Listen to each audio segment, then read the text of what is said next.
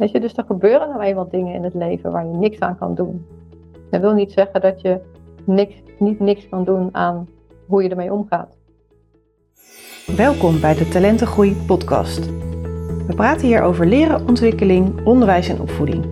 Mijn naam is Karen Dijkstra en in deze podcast ga ik in gesprek met auteurs, coaches en andere experts die anders denken en doen als kinderen leerproblemen hebben op school. En hierbij kijken naar kwaliteiten en talenten in plaats van tekorten. Positief en praktisch. Met deze podcast krijg je inspiratie, nieuwe inzichten en tips, zodat jij een kind vanuit talent kan helpen groeien. Welkom eh, Patricia in de Talentengroei podcast. Wij gaan vandaag uh, in gesprek en uh, ja, ik vind het super leuk om dat met jou te doen, want ook jij wil heel graag het verschil maken in het leven van een kind. En dat doe jij door uh, met kinderen te werken, maar zeker ook met volwassenen. Dus daar mag je zo meteen uh, zelf nog even wat uh, over vertellen. En um, je zegt dat zo mooi van, nou, ik wil um, eigenlijk de eigen wijsheid, als ik het goed zeg, hè, van de kinderen aanboren om weer te vertrouwen op zichzelf en hun talenten. En uh, ja, dat ze daardoor een stevige basis hebben in het leven. Dus uh, nou ja, super mooi. En dat is ook waar, uh, waar ik mee werk. En daarom vind ik het heel leuk om met jou te spreken. Dus van harte welkom. Ja, dankjewel Karen. Ja. ja hartstikke leuk om deze podcast te doen samen met jou. Zou jij wat meer willen vertellen over ja, wie je bent en wat je doet? Ja, nou ja, mijn naam is Patricia Leenaert. Um, ik werk met kinderen en volwassenen uh, ik heb de opleiding kindertherapie uh, gevolgd in Utrecht. Ik noem mezelf tegenwoordig lifestyle transformatiecoach. Uh, iets wat betekent dat de levensstijl die je hebt, als je die verandert, dan kom je steeds dichter bij jezelf. Dan kan je steeds meer leven vanuit je intuïtie. En ga je jezelf en de mensen uit je omgeving, maar ook je kinderen, beter begrijpen. Dat was even heel kort. Ja, super mooi. Ja, en um, je begeleidt uh, volwassenen en kinderen bij het, ja, eigenlijk, uh, het verwerken van uh, verdriet, angst, trauma. Um, hè, om dat los te laten, dat klinkt nogal groot eigenlijk, want dat zijn hè, dingen die nou ja, best heftig kunnen zijn. En bij trauma denken sommige mensen ook al aan hele grootse dingen, maar dat kan ook hè, uh, op een ander stuk ja. zitten. Um, kun je eens uh, vertellen hoe je aan de slag gaat met iemand? En wellicht is ja. een voorbeeld, of hè, dus een, ja, iemand die bij jou is gekomen met een bepaalde vraag, of die liep ergens tegenaan. Uh, nou, hoe werk jij dan? Wat doe je? Wat zet je in? Ja. Ja, om even eerst uit te leggen, een trauma. Een trauma is niets meer dan een emotie die te groot was voor dat moment om te verwerken. Dan blijft het, zeg maar, de emotie, de boosheid, het verdriet, de schrik, die blijft in je systeem zitten.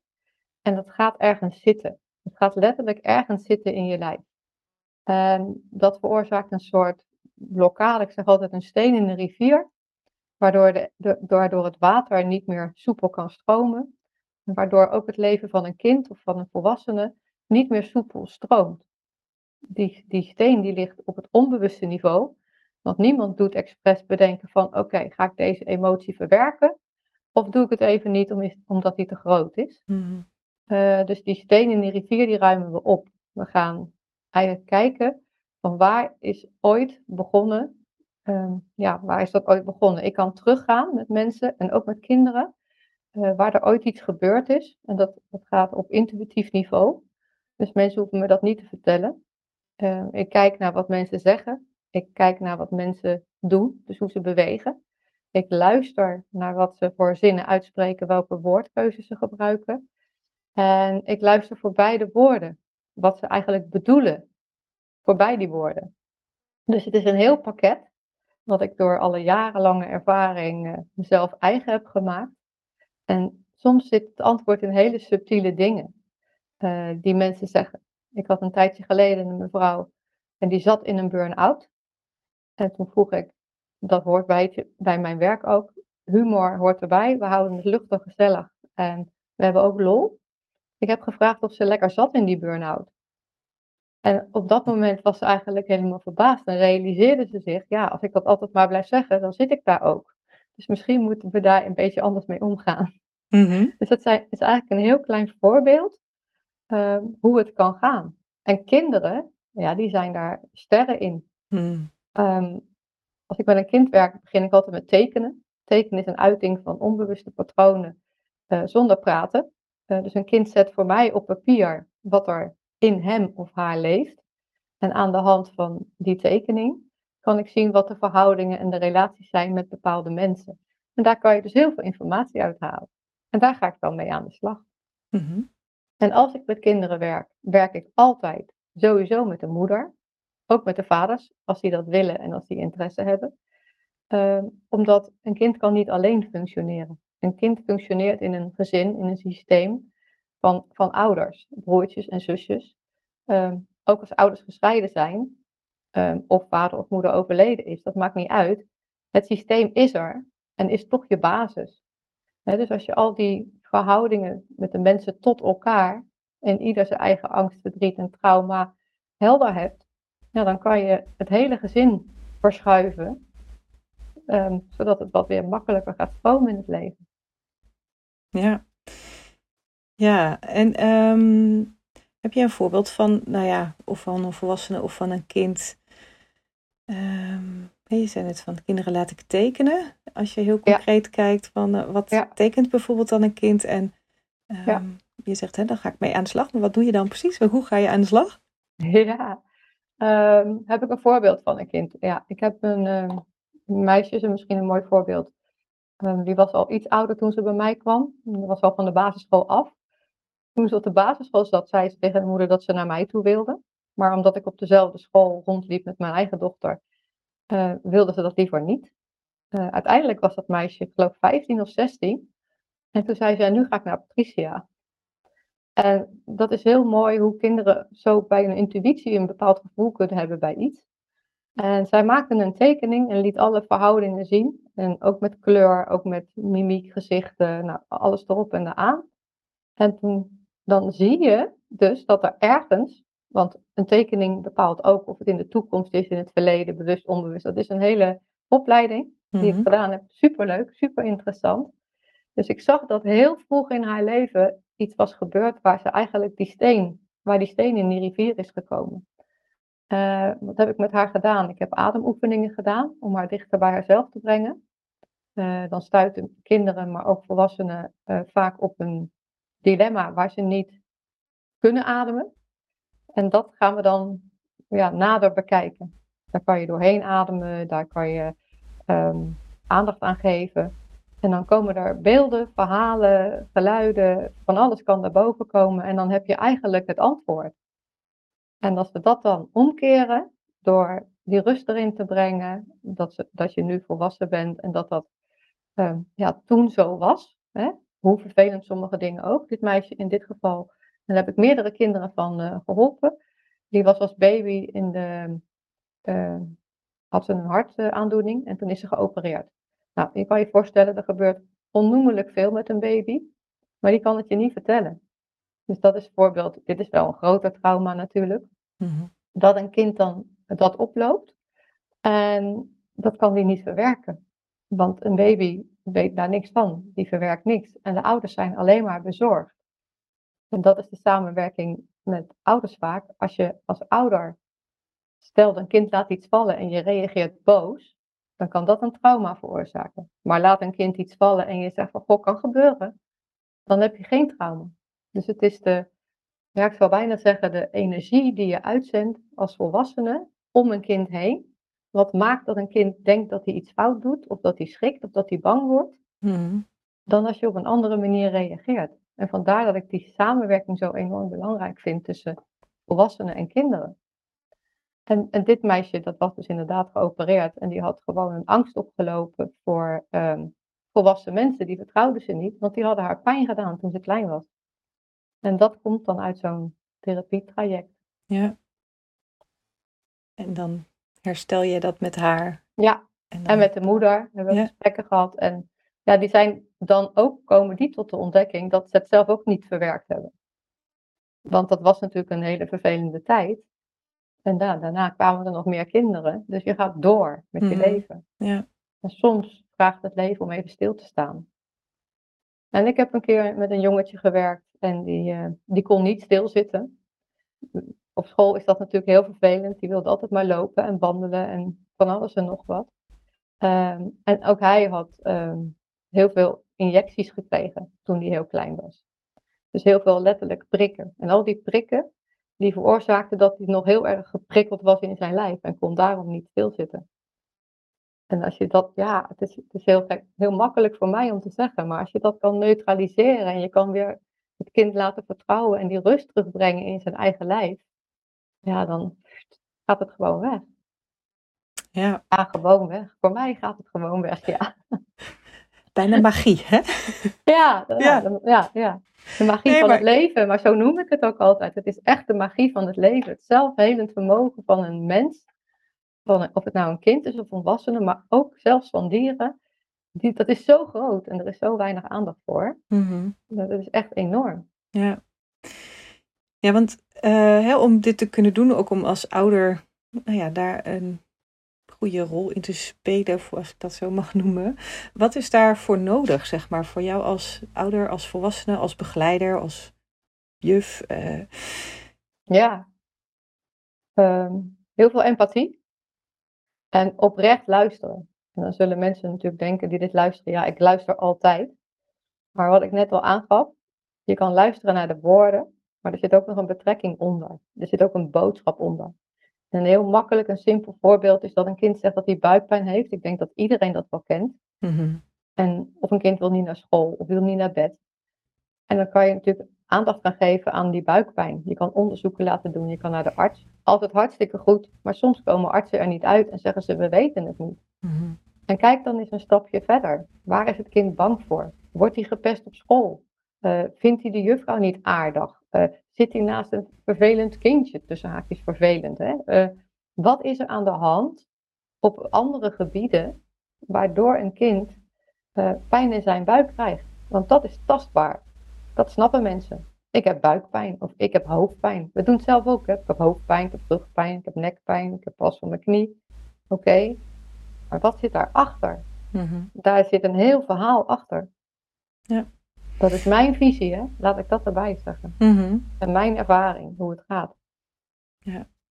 Ja, nee, ik herken het uit eh, mijn praktijk ook. Ik eh, had een tijdje terug een, eh, een jongetje, dus hè, die liep vast op school. En nou, toen kwamen ze bij mij en ehm, ik werk altijd met sessies één keer in de drie weken. Dus hè, ze, we hadden thuis de dingen toegepast en komen ze na drie weken terug. En toen vroeg ik van, goh, en hoe ging het? En, en meestal krijg je dan een antwoord van, eh, oh nou, eh, dat zei het jongetje zelf overigens ook, van eh, ja, met dicté ging veel beter. En eh, nou, helemaal blij. Dus je zag hem al groeien in het zelfvertrouwen, wat dan echt wel heel mooi is. En zijn moeder zei, ze zegt, ja, hè, dat is zo fijn, maar het allerfijnste is nog dat hij niet meer met buikpijn naar school gaat.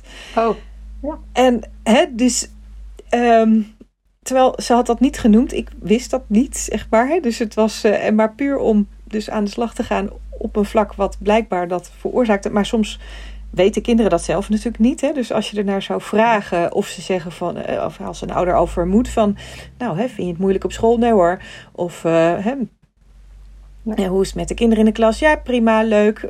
Hoe Ja. kan je daar dan toch doorheen Ja. eh, prikken, zeg maar? nou ja, letterlijk prikken, leuk. Laten we dat niet doen, prikken. Nee, nee, nee. Ehm, dat is het. Kinderen geven aan, ik heb buikpijn. Ehm, en kinderen zijn kinderen, maar het zijn wezens om niet mee te praten. Niet in, in de weg, eh, niet op de manier zoals wij praten met elkaar als volwassenen. Wij willen dingen uitpraten. Maar als je praat met elkaar, dan zit je op bewust niveau. En als je een probleem wil oplossen of iets verder wil kijken, zeg maar, wat de oorzaak is, dan kom je uit op de onbewuste patronen. Dus eigenlijk, waarom doet een kind wat hij doet? En daar zitten allemaal verhalen achter. En vandaar een tekening voor kinderen. In die tekening tekenen ze gewoon wat in hun opkomt, zonder daarover na te denken, zonder woorden. Eh, ze geven een bepaald vriendje of een vader of een moeder een bepaalde kleur, of geen, geen oren. Of, weet je, en daaruit kan je dus gewoon ja, zien, voelen en ervaren van dit is de lijn waar ik zeg maar op verder kan. En ik ja, kan ook tekeningen maken met volwassenen. Die laten precies hetzelfde zien. Het is Mm. gewoon heel erg leuk. En maar volwassenen laten het ook zien in, in gesprek, ehm, in het conflict, zeg maar, waar ze mee, mee, mee zitten. Eh, problemen met ehm, de partner, of misschien wel op het werk. Weet je? En dan ga ik kijken of problemen met het kind. Hè. Soms hebben ouders ook problemen met een kind, omdat die of altijd ziek is, of altijd druk is. Ja, weet je, hoe ga ik daar nou mee om? En dan ga ik terug naar die ouder van, ja, wat stoort je, wat irriteert je aan dat gedrag? En herken je dat? Weet je, en je gaat zo, ja, blokje voor blokje ga je een huis bouwen, zeg maar, totdat het af is. Ja, Ja. en de fundering van, van het huis, zeg ik altijd, heeft vier palen. En dat is voor mij een holistische visie. Dat is body, mind, soul en spirit. Het zijn echt vier, ehm, ja, vier niveaus, vier vlakken, vier pijlers eh, waarop dingen kunnen spelen. Weet je, iets kan mindset zijn van een kind dat hij gehoord heeft. Nou, hè, ik kijk naar mijn eigen dochter van, nou, je hebt dyslexie, eh, eh, ga maar naar weet ik veel wat voor school en die gaat maar naar het makkelijkste, want anders dan wordt het te moeilijk. Ja, ze heeft nu de HBO-diploma op zak. Om aan te geven dat soms kunnen mensen in je omgeving jou dingen vertellen die je gaat geloven. Mhm. Nou had zij gelukkig ouders die het tegenovergestelde continu volhielden. Dus eh, is de schade vrij beperkt gebleven. Mhm. Maar ik zie ook in mijn omgeving dat ouders ja, de school en de docenten allemaal volgen. En dan denken van, nou weet je, doe maar niet dat, want dat wordt best wel moeilijk voor je. Mhm. En dan denk ik, ah, elk kind heeft zijn talent, hè? maar die ken jij ook. Mhm. En is ergens supergoed in. En ga dat activeren en ga daarnaar kijken en ga een kind daarin begeleiden. Maar het is een samenwerking tussen een heel gezin. En ook vaak komen opa's en oma's. Ik heb heel mooi genoeg, ooit begin ik met een kind, dan komt de moeder, dan komt de vader en dan komt ook nog opa of oma. en ik heb ook verschillende gezinnen waar ik eh, drie, vier kinderen uit hetzelfde gezin heb behandeld. Omdat die ouders, die, ja, die moeders, die vinden dat dan zo leuk en zo interessant, dat ze eigenlijk willen weten wat is nou de gebruiksaanwijzing voor dit kind. Mhm. Want dat geef je eigenlijk, hè, weet je, een gebruiksaanwijzing van hoe kan ik dit kind het beste benaderen, mee omgaan. Ja. En dat zit soms in zulke kleine dingen, dat je, dat je denkt met je verstand, nou, dat slaat nergens op. Ik had een jongetje van zes, ehm, die gooide met schoolmeubilair. Hij maakte met iedereen ruzie. Er was geen land met hem te bezeilen thuis. Hij vloekte en hij spuugde en hij gooide zijn bord op de grond. Nou, die moeder, die, was, die ouders zaten echt met hun handen in hun haar. Dus ben ik ook met dat jongetje aan de slag gegaan. En sommige kinderen praten. En op een gegeven moment zag ik dat hij op de tekening zichzelf heel klein had getekend. In verhouding tot de andere mensen. En in het traject bleek dat zijn moeder, die ehm, gaf zijn naam zeg maar een tje erachter. Mhm. Dus een verkleinnaam. Hè, dus ik zal even zeggen, hij heette Pieter. En dan zei ze altijd Pietertje. Mhm. En hij vond dat verschrikkelijk. Hij vond dat echt verschrikkelijk. Want zijn oudere broer, die drie minuten ouder was, Mhm. die was wel gewoon Hans. Hè? Dus toen ik die moeder uitlegde dat hij dat verschrikkelijk vond. En zij ja, begon eigenlijk te huilen, want het was haar koosnaampje. Want het was toch eigenlijk haar lievelingetje. En eh, toen zei ik dat, dat, dat, hem dat, heel, dat hij dat heel vervelend vond. Dus dat ging ze dan aanpassen. En ze zag per minuut bijna haar kind groeien. En nu gaat het gewoon hartstikke goed met hem. Mhm. En dat zit dus soms in zulke kleine dingen. En daarom wil ik zeggen, ouders doen het niet fout. Mhm. Maar soms is het beter om het anders te doen, omdat het beter bij het kind past.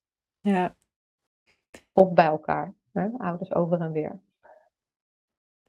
Je hebt ook een eh, boek geschreven, Ja, een Millie, kinderboek. een kinderboek, maar dat gaat wel over deze thematiek.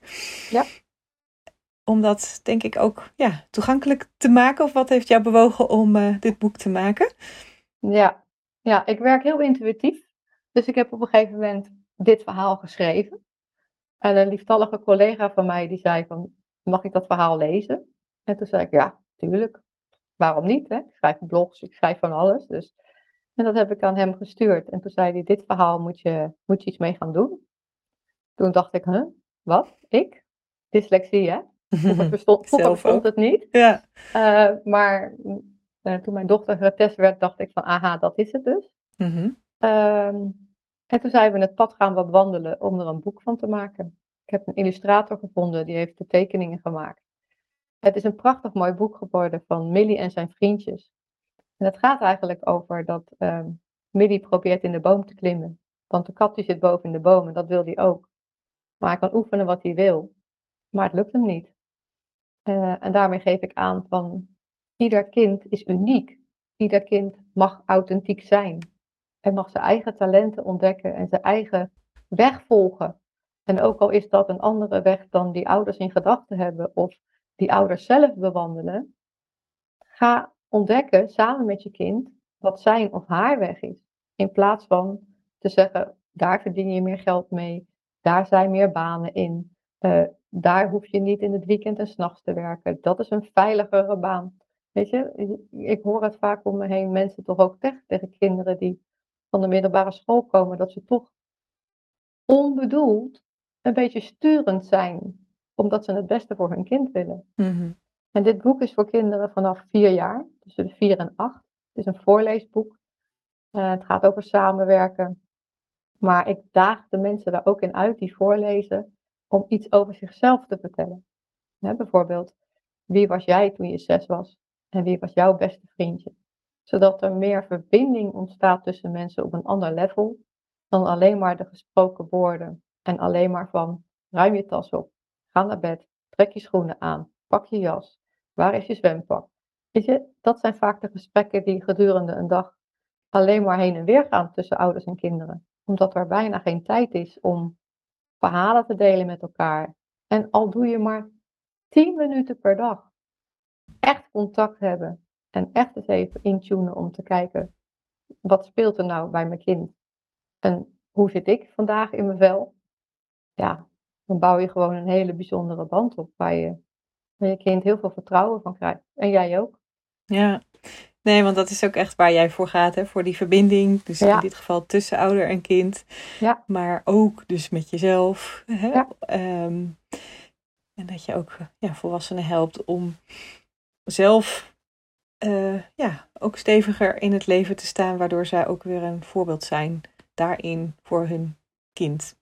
Als ik het goed heb. Ja, absoluut. Weet je, je bent altijd een voorbeeld voor je kind. Ja. Maar je bent ook mens. Ik ben ook mens. Ik leer nog iedere dag. En er zijn eenmaal dingen in een mensenleven, of je het nou wel of niet leuk vindt, die je niet zo leuk vindt van jezelf. Of waar je tegenaan loopt, waar je van denkt van, ach, doe ik het alweer? Of ik, ik kan een stukje vertellen van, mijn dochter was heel klein. En bij ons thuis was het een beetje eh, soms losse handjeswerk. En daar word je mee opgevoed. Dus dat is wat je ziet, dat is wat je ervaart, dat is wat ik heb gevoeld. Ehm, en op een gegeven moment dacht ik toen ze iets deed, en toen voelde ik dat mijn hand omhoog ging. En toen keek ik zelf naar mijn hand en toen dacht ik, dit nooit, Mhm. dit echt nooit. Ehm, en het is heel makkelijk om te oordelen over mensen die hun kinderen wel slaan, of die ze in de kast opsluiten, of die ze eh, straffen op een manier waarvan we misschien denken van, nou, dat is niet zo fijn. Maar ga die cirkel maar eens doorbreken. Om, om alles wat je als kind mee hebt gekregen op school en hoe dom je was en wat je allemaal niet kon. En hè, het zit allemaal in ons leven verweven. Ook al was je het niet zelf, maar is je moeder of je vader misschien door de nonnen met een eh, houten lat op zijn vingers geslagen. Het zit in het systeem. Mhm. Het wordt overgedragen, ook al wordt er niet over gesproken. En die lijn, ja, die help ik zuiveren. Die help ik weer opruimen, schoonmaken. Waardoor je zeg maar, met, als hele familie weer opgelucht adem kan halen. Ja. En wat heb je gedaan in plaats van? Want je zei, ik zag mijn hand, ik dacht dat nooit. Ehm, ik, heb haar, ik heb haar laten kiezen op welke traptree ze wilde zitten om even af te koelen. Hmm. En dat hebben we eigenlijk altijd volgehouden. Ehm, en de ene keer koos ze de derde traptree en de andere de vierde traptree.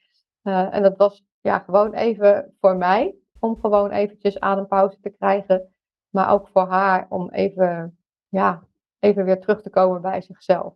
Mhm. Eh, als kinderen klein zijn, heeft het geen zin om, om te praten over, ehm, wat heb je fout gedaan en wat had je anders moeten doen. En het heeft al helemaal geen zin om te zeggen, ga erover nadenken. Want we zitten al in zo'n denkende maatschappij. Mhm. Schieten we eigenlijk niet zoveel mee op. Dat kunnen ze ook trouwens niet, hè. De kinderen hebben zoiets van, waar heb je het over? Ehm, en natuurlijk heb ik ook wel eens een keer uh, geschreeuwd. Of heb ik ook wel eens een keer iets gedaan. ehm, of ik heb dingen meegemaakt in mijn leven waarvan ik dacht, ja, op dat moment kon ik er niet zijn voor haar. Dan heb- ik mijn excuus aangeboden. Mhm. Maar ja, ik, ik heb er niks aan kunnen doen. En dan heb ik het niet over slaan en zo, hè. Maar ik heb er niks aan kunnen doen en ik had het liever anders gezien. Maar het was niet zo. Ik bedoel, mijn broer is heel jong overleden. En dat was in de tijd dat mijn dochter klein was. En dat had heel veel impact op mijn leven. Ja, dan kon ik er, als ik terugkijk, kon ik er niet voor haar zijn hoe ik, had, hoe ik voor haar had willen zijn. Weet je, dus er gebeuren nou eenmaal dingen in het leven waar je niks aan kan doen. Dat wil niet zeggen dat je niks, niet niks kan doen aan hoe je ermee omgaat. Mm, mooi. Heel mooi dat jij mensen daarmee eh, ja, kan helpen en ondersteunen. Ja. Ehm, je noemde het al een paar keer, eh, dyslexie in jouw gezin. Ja. Je zegt vanzelf, eh herken ik me daar ook in, alleen ja, bestond de diagnose nog niet. Nee. Jouw dochter heeft wel die diagnose gekregen. Hoe oud is ze nu? Want eh, 23. ja, 23. En je zei het al, van, hè, ze heeft haar HBO eh, In de Gedaan. in één keer. Gewoon in één keer doorlopen, vier jaar alles gehaald. Ja. Ja. Wat hebben jullie eh, eh, als ouders anders gedaan, denk je dan? Wat er dus hè, in het algemeen werd voorgehouden. Hè? Nou ja, dat is ook waar deze podcast onder andere over gaat. Hè? Anders kijken en niet de dingen vanuit nou ja, wat iemand niet kan of vanuit de stoorniskant bekijken. Maar van, Ja. nou ja, welk talent heb je, wat kun je wel en hoe kunnen we dat inzetten? En dat is soms echt ja, moeizaam vechten en blijven volhouden. Eh, kun je daar wat over Ja. vertellen, hoe jullie dat hebben gedaan? Ja, ja ik, ik voel zeg maar nu, Mhm. het heel erg eh, van het voelen ook, echt de warmte zeg maar van binnen. Dat ik, wat ik ouders mee wil geven is, blijf geloven in je kind. Blijf naast je kind staan. Niet ervoor, niet erboven, niet erachter, maar blijf naast je kind staan. Want ook docenten weten niet alles. En, en ga, ga zoeken met elkaar wat de oplossingen zijn. En wij moesten natuurlijk lezen.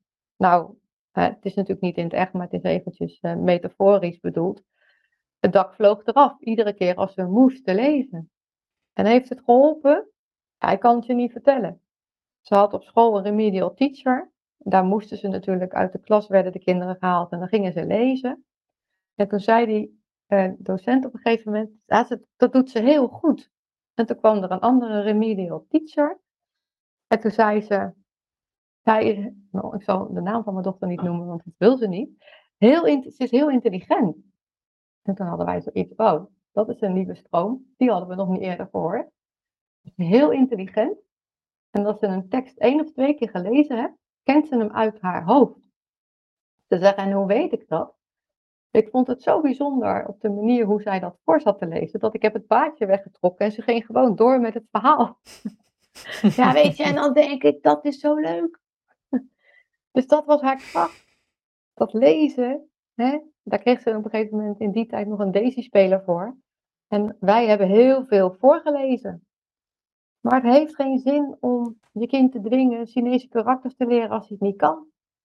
Want daar word je allemaal niet vrolijk van. Dus vind oplossingen wat wel werkt.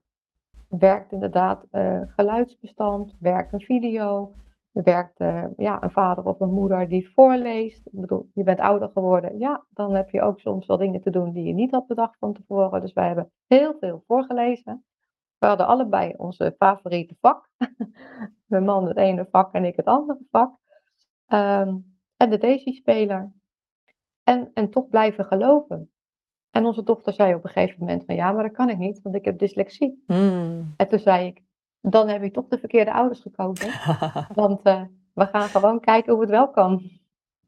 Ja, dus vind oplossingen. Ga met elkaar, spelende wijs, liefdevol, oplossingen vinden die bij jullie passen.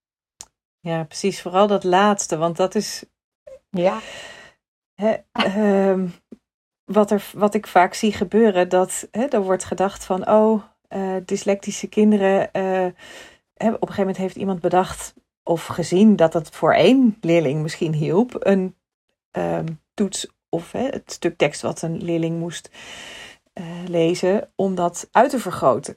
En um, ik heb vier jaar op een middelbare school gewerkt. En nou ja, daar was het heel streng. Hè? Als je een, een dyslexieverklaring had, dan kreeg je de, uh, de dingen die daarbij hoorden. Dus tijdverlenging, et cetera. En ook vergrote teksten. Dus dat werd eigenlijk standaard over al die dyslectische kinderen uitgestrooid, zal ik maar zeggen. Terwijl ja. ik werkte in kleine groepjes met ze en dan zeiden er één of twee zeiden van ja, maar ik vind dat helemaal niet fijn. Dat is super onhandig, want dat blad is veel te groot en mijn tafeltje is niet zo. Uh, hè, dat is gewoon een klein tafeltje. Dus dan uh, valt het eraf of mijn pen valt op de grond en dan hè, wordt de docent weer boos als ik zit te rommelen. En ja. dus eigenlijk, nou ja, een goede bedoeling van oh, dit schijnt te helpen, maar um, dus wij probeerden op die school in ieder geval ook te kijken van nou, wat helpt dit kind? Hè? Dus en nou ja, dat was nou ja, een van de dingen die ik dan kon doen, om dat gewoon met ze uit te vinden en te bespreken en dat nou ja, dan ook voor elkaar te krijgen daar. Maar uh, en ja, ik vind het dan wel jammer dat het alleen gold voor de kinderen die dan officieel zo'n verklaring hadden. Want er zijn natuurlijk ook kinderen die dat niet hebben en ja. hè, ook baat hebben bij nou ja, het net even anders. Maar hè, precies wat je zegt van hè, wat, helpt jou, wat helpt jullie, wat hè, werkt voor dit kind en niet, nou ja, iets standaard aannemen of zo. Ja. Hè, dus uh, wat voor de een werkt, werkt voor de ander. Ja, dat is nou heel grappig dat je dat zegt, want onze dochter kreeg ook op de basisschool zo'n heel groot papier. Mm -hmm. En uh, ja, uh, ik was altijd heel open. dus ik, ik, ik, gaf haar altijd wel de ruimte van, vertel alles maar, maakt niet uit of je lelijke woorden gebruikt, weet je. Mm -hmm. Als jij boos bent of gefrustreerd. Maar toen kwam ze ook thuis van school. Ja, krijg ik een blad voor mijn toets? Dat past er niet eens op mijn tafeltje. Ik heb dyslexie, maar ik ben niet blind of zo. Oh, ja. ja, dan denk ik echt zo lekker. Uh, zoals het ook echt is. Ja. En, um, ja, en, en wat betreft andere kinderen, ja, wij hadden wel de financiële middelen om een Daisy-speler aan te schaffen. Want mm -hmm. die moest je zelf betalen.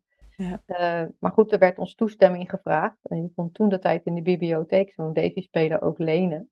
En school had er ook een aangekocht. Uh, voor de kinderen die dat dan niet, uh, ja, dat die ouders dat niet konden betalen. Mm-hmm. uh, en dan vroegen ze of ze dan de opname, want het moest overgezet worden, de CD zeg maar ook dan mochten gebruiken voor dat kind.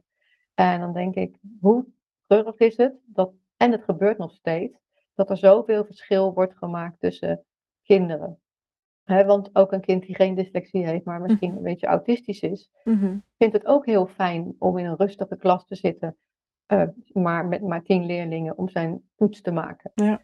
Weet je, en eigenlijk, ja, mijn verlangen ligt inderdaad dat het onderwijs toch die kant op gaat. Dat we meer gaan kijken waar kinderen behoefte aan hebben.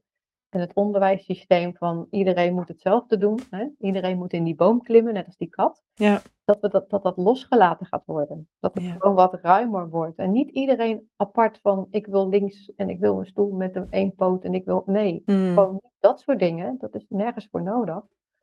Maar gewoon wat meer een kind. Um, ja, ik, ik, hoor nu al dat mensen gaan zeggen van uh, ja, het zou wat zijn dat iedereen zijn zin moet krijgen. Maar mm. zo bedoel ik het niet. Nee. Nee, het is echt een methode van een manier van leren.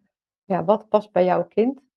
En uh, ja, het is ook een kunst om de goede school te vinden, want het is toch overal toch wel een beetje de standaard zoals het gaat met de CITO's en de, en de, en de eisen die daar allemaal liggen, mm-hmm. waar ze ook aan moeten voldoen. Ja. En maar je kan zelf met je kind uh, ja, kijken wat, wat er anders mogelijk is, om het toch met elkaar ja, nog een beetje leuk te maken. Ja.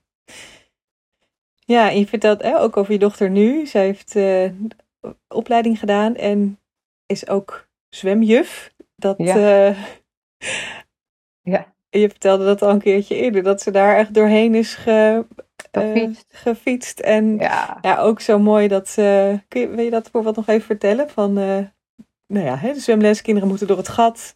Ja. Eigenlijk heel veel kinderen zijn bang daarvoor. Ja. Ja, wat, wat het is eigenlijk, als je, ja, dyslexie is, um, ik vraag me altijd af, en ik heb daar geen bewijs voor, van um, wij vinden bepaalde mensen, bepaalde dingen die je kunt, vinden wij normaal.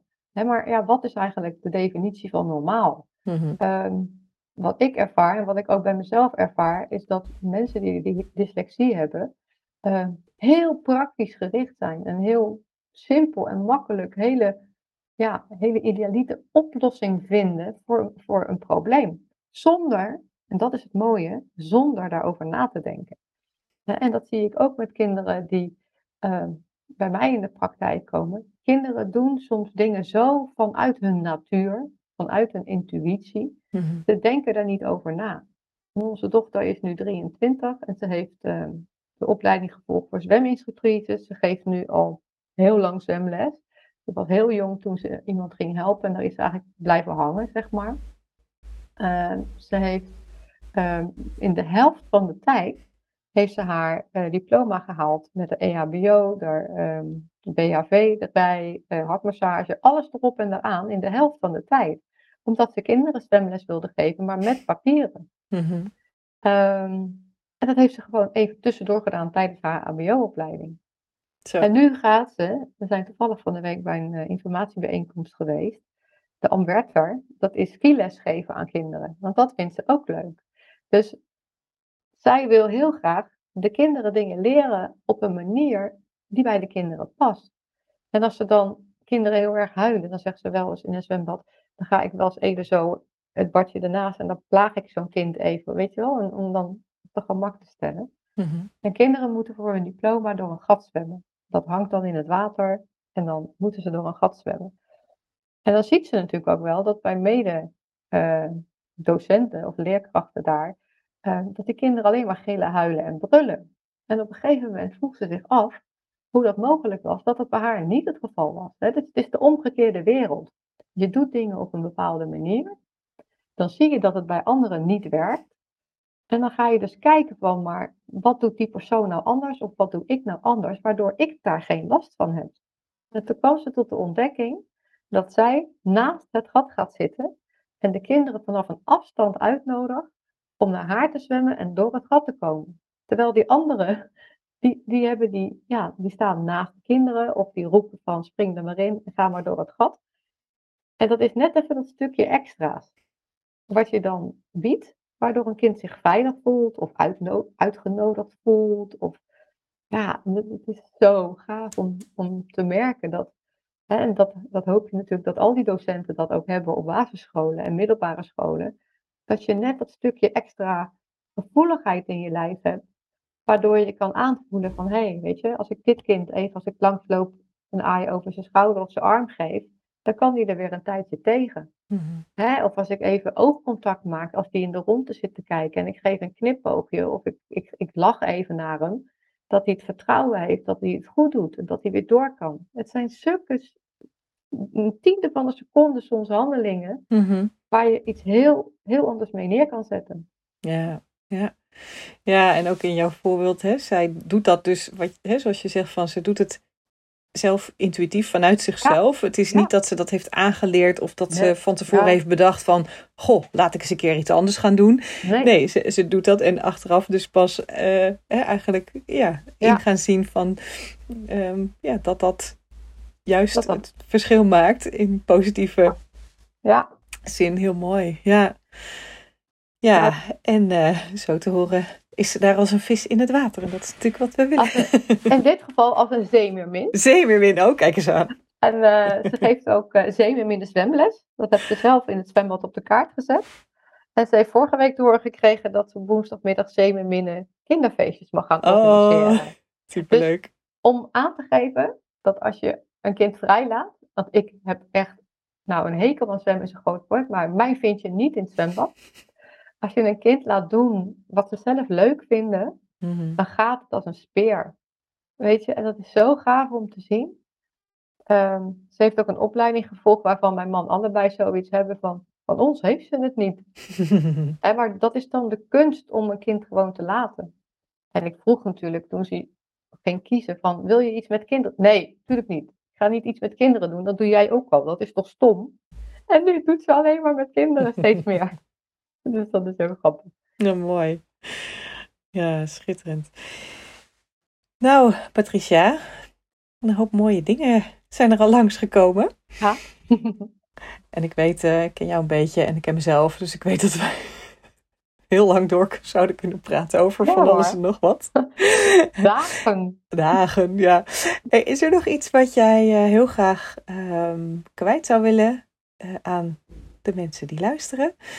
Um, ten aanzien van, nou ja, um, jouw werk of nou, wat je mensen toewenst.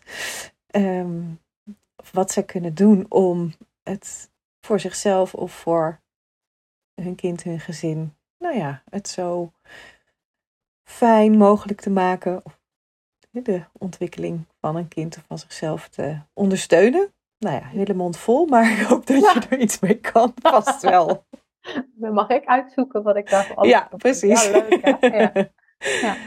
Ja. wat ik in mijn eigen ervaring merk, is dat wij um, ja, eigenlijk wel in die tijd, maar ik hoor het nog steeds wel van ouders, soms strijd moesten leveren, strijd moesten leveren op de, op de basisschool, om, om toch een beetje een plekje voor je kind te creëren.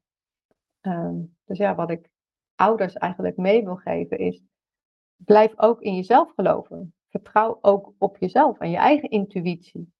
Um, en loop niet inderdaad alle adviezen af die andere mensen geven, omdat je denkt dat ze meer gestudeerd hebben of het beter weten of dat het onderzocht is. Ehm, ik denk dat ouders en vooral moeders een hele goede intuïtie hebben voor bepaalde zaken. En die mag je ook best wel delen met de wereld. Ik heb dan zelf een programma ontwikkeld over uh, de weg terug naar jezelf. Uh, daar begint het eigenlijk. Hè? Hoe kan je je kind begrijpen als je jezelf niet begrijpt? Dus het, het is een, ja, een sport, een hobby. Ik vind het leven is een ontdekkingsreis om je eigen gebruiksaanwijzing te schrijven om jezelf te ontwikkelen en te weten waarom je doet wat je doet. Hè, wat jouw passie is in het leven. Uh, wat jij graag mee wil geven uh, aan je kinderen of aan je kind. Uh, en, en, hoe jij in het leven staat. Sta jij in het leven zoals je zelf graag wil? Of zit je in een baan dat je denkt van, poeh, ik ben blij dat het weer woensdag is, dat ik vrij ben vandaag. Dat zijn allemaal dingen die een rol spelen in, ja, in de moeiteloosheid en de gezelligheid die in je gezin een rol speelt. Als je veel stress ervaart, dan kan je van jezelf niet verwachten dat je vrolijk, vriendelijk en aardig bent als je moe bent s'avonds. Dus maar wat ga jij eraan doen om te zorgen dat je ook je rustmomentje hebt en even tijd voor jezelf? En in hoeverre durf je dat naar je partner of naar je kinderen te communiceren? Weet je, dat zijn ja, ruimte krijgen, vrijheid ervaren. Dat zijn allemaal natuurlijk van die termen waarvan je kan denken van ja, wat moet ik ermee? Maar het is wel waar we met z'n allen ook behoefte aan hebben. En wat voor mij het allerbelangrijkste is, en ik heb uh, een e-book geschreven over uh, de weg terug naar jezelf, het contact met jezelf met hele simpele oefeningen. Het gaat toch altijd om dat hart. Hè? Het hart van jezelf, het liefhebben van jezelf, de verbinding van hart tot hart met andere mensen. En dat is voelbaar. Het is voor een kind voelbaar. Ik noem nog één klein voorbeeld van een moeder die nu ineens bovenkomt in mijn mm gedachten die, um, ja, die vier kinderen heeft. Um, bij mij kwam uiteindelijk eerst met haar oudste zoon. En we zijn langzaam afgezakt naar de andere kinderen. Maar die jongste die, uh, uh, kwam nooit bij haar op schoot. Die was vier en die kwam nooit bij haar op schoot. En zij wist maar niet waarom, maar ze liet het maar zo eigenlijk. En uiteindelijk bleek dat er ook tijdens de zwangerschap en uh, het zwanger worden een hele grote stressvolle situatie was. Daar heb ik aan gewerkt met die moeder. En zonder verder na te denken over de gevolgen voor dat kind. Maar toen kreeg ik aan het eind van de dag, dezelfde dag, kreeg ik een appje. En toen zegt ze, je gelooft het nooit. Nou, ik krijg nu al kippenvel. En toen zei ze, ik kwam thuis. Ik had thee gezet, zoals ik elke dag doe. Dan gaan we aan de grote tafel gaan we met z'n allen thee drinken.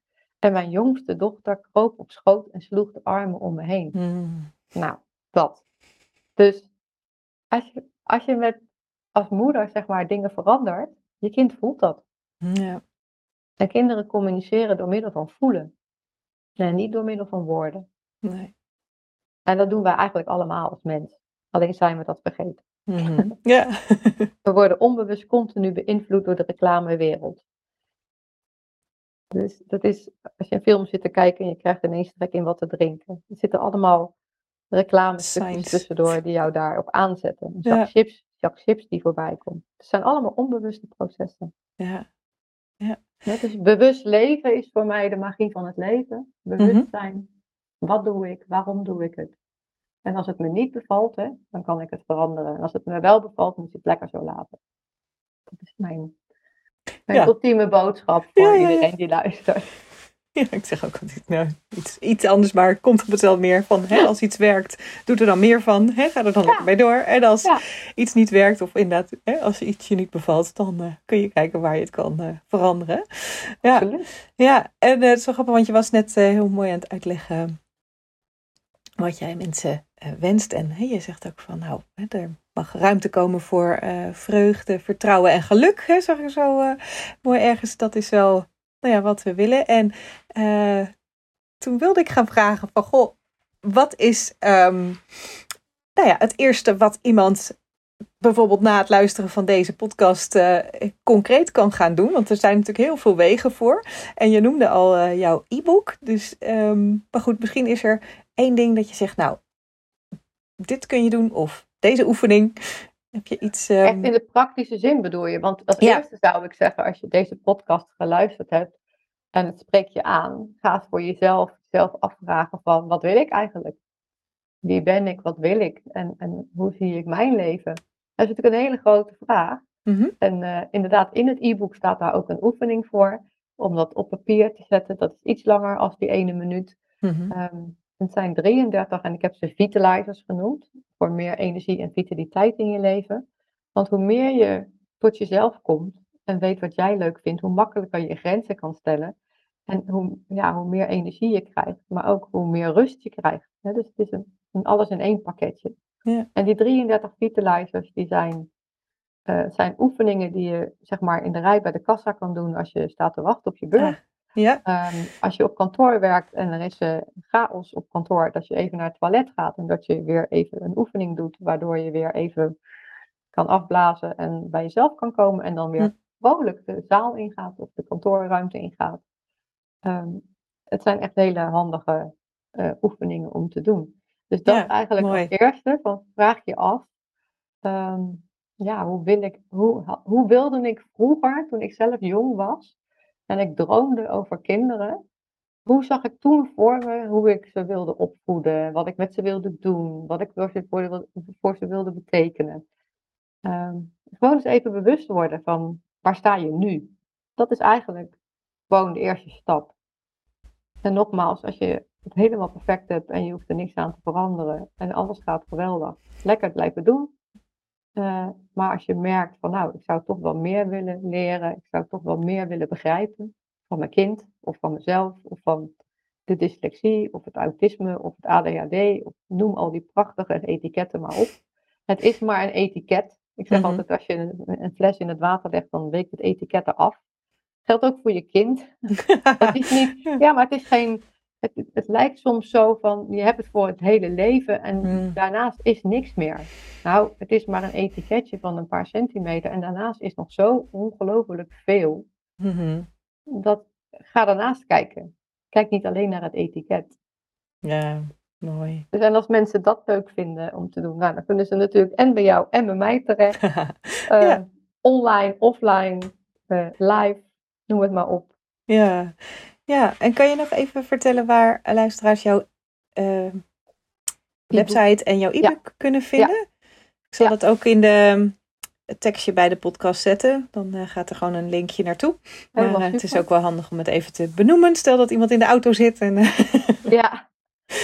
Ja, nou, je kan mij vinden onder patricialeenaerts.nl. Dus dat is heel makkelijk. Dat is mijn naam eh, eh, met .nl. mhm. Dat is mijn website eh, met mijn e-book, waar ik in de, in de website ook vertel over ehm, ja, waar je tegenaan kan lopen en hoe je het op zou kunnen lossen. Op de website is ook een mogelijkheid voor een gratis inspiratiegesprek. Dat is een gesprek online eh, van een half uur, waarin je je vraag kan stellen, waarin we eens kijken van oké, wat zou je kunnen doen en zijn wij een match en vind je het leuk om met mij samen eh, te gaan? Daarnaast heb ik ook nog collega's eh, ehm, dat ik kan zeggen, nou misschien past het beter bij die of die, hè? dat zou ook Hm. zomaar kunnen. Ja. Ehm, daarnaast heb ik natuurlijk de website, tenminste ik niet, maar ja, Millie heeft een eigen website, laat ik het zo zeggen. Dat is Millie en zijn vriendjes.nl. Daar kan je ehm, een kijkje nemen hoe het boek eruit ziet. Je kan uh, de kleurplaten, of de, de, kleurplaten die in het boek staan, die staan als tekeningen kleurplaten op de website. Die kan je gratis downloaden. Dus vind je het leuk om eens een keer een ander soort tekening uh, te hebben of voor te spelen? Uh, download dan op uh, Millie en zijn vriendjes.nl de gratis kleurplaat. het boek is nog even, als, vergeet, ik, vergeet ik altijd, kijk op mijn kop van mijn partner, collega. het is Engels en Nederlands. Omdat, oh ja. ja, ondanks je dyslexie of wat je ook voor etiket of label hebt, hele jonge kinderen kennen geen verschil tussen een eigen taal en een vreemde taal. En als je spelenderwijs dingen aanbiedt, dan leren ze gewoon dat vanuit zichzelf mee. Pas als de druk erop komt van je moet dit woordje zo schrijven en dat zo schrijven, um, ja, wordt het ineens allemaal verkrampt, zeg maar. Maar als ze jong zijn, hebben ze daar eigenlijk nog niet zo'n uh, weet van. En hebben ze een leuke woordenschat die ze mee kunnen nemen. Oh, wat leuk. Uh, ja. In het boek. Ja. Ook, ook leuk voor expats en zo. En nou ja, ik dacht eigenlijk weer in die richting van, goh, als er ja. uh, misschien, uh, dat, dat zie je natuurlijk ook wel vaker, van een, ja. uh, in een, dat een van de ouders nou ja, een andere taal spreekt. En, ehm, ja. ja, maar, maar dus heeft eigenlijk nou ja, nog een extra functie dat de kinderen ook spelenderwijs zelf wat mee ja. maken van de, van de Engelse taal ook. Ja. Dus ja, dat. Nou, mooi, dan weten we dat ook. En uh, ik wil je heel hartelijk bedanken voor het uh, mooie gesprek. En ja, ook jouw expertise en wat je doet is, uh, is ja, zoveel, zo mooi en ook heel ja, diepgaand dat het best lastig is om dat te vatten in woorden. Dus hè, dat is ook waar je je mee bezighoudt. maar, uh, dus, uh, maar goed, hè, spreekt de energie van uh, Patricia jou aan? En heb je het gevoel dat, dat ze jou wellicht op weg kan helpen? Hè, dan zou ik zeggen, neem vooral contact op. En dan, nou ja, wat je zegt, dan kunnen jullie kijken of je een match bent. En of je ja. daar verder mee kan gaan. Maar voor nu heel hartelijk bedankt voor dit mooie gesprek. Ook heel veel herkenbare dingen, denk ik, voor heel veel mensen. En dat is ook altijd fijn. En ook het sprankje hoop weer van hè, dat, nou ja, ondanks alle uh, hobbels uh, en dingen die je tegenkomt, dat het ja, toch echt ook weer helemaal goed kan komen. En dat jouw kind ook kan gaan bloeien in hè, datgene wat hij of zij leuk vindt. Maar nee, dat gaat niet vanzelf, maar je kan daar dus als ouder zeker ook een rol in spelen. En ook natuurlijk als uh, begeleider in de professionele zin. In welke rol dan ook. Dus ja, ja. nogmaals, ja. dankjewel. En nou, wij houden contact. Ja, ja, ook hartstikke bedankt voor dit gesprek. En ik wens iedereen die luistert heel veel plezier en wijsheid.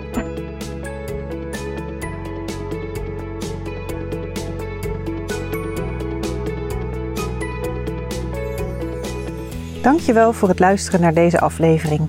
Wil je op de hoogte blijven van nieuwe afleveringen? Abonneer je dan door in je podcast-app te klikken op de button abonneer of subscribe. Vind je deze aflevering interessant en ken je iemand die baat zou hebben bij deze podcast? Dan zou ik het super vinden als je de podcastaflevering deelt of doorstuurt. Bijvoorbeeld door een screenshot te maken of de link te delen vanuit iTunes of Spotify. Klik op de drie puntjes en vervolgens op delen. Zo help jij andere ouders of collega's in het onderwijs en daarmee nog meer kinderen bij wie leren niet vanzelf gaat. Dankjewel als je dat wil doen. Het is mijn intentie om waardevolle inzichten te delen en hiermee zoveel mogelijk ouders en leerkrachten te bereiken. En een handvatten te geven zodat zij kinderen kunnen helpen hun talenten te leren kennen en in te zetten. Zodat ieder kind weer met plezier en vol zelfvertrouwen naar school gaat. En zij als kind en als volwassene kunnen leren en leven vanuit talenten. Ondersteun je mijn missie? Geef mijn podcast dan bij reviews bijvoorbeeld 5 sterren en als je wil ook een geschreven review. Dit kan heel makkelijk in jouw podcast-app. Loopt jouw kind of leerling vast op school en heb je het gevoel dat het anders kan? Lees dan mijn boek In 10 stappen leren vanuit talent. Ik zou het leuk vinden als je het bestelt via mijn website, maar het is ook te koop via alle boekhandels of te leen in de bibliotheek. Ik vind het altijd leuk om berichtjes te ontvangen van jou als luisteraar om te horen wat je van een aflevering vindt of als het je een bepaald inzicht heeft gegeven. Stuur me dan even een mailtje via karen.talentengroei.com of een persoonlijk bericht via LinkedIn of Instagram. Zoek op Karen Dijkstra. Karen is met een E en talent en groei, dan kan het niet missen. Dit kan uiteraard ook als je een vraag of suggestie hebt. De audiobewerking van deze podcast is verzorgd door Jeroen Sturing. Ik kijk alweer uit naar een volgende podcast. Graag tot dan.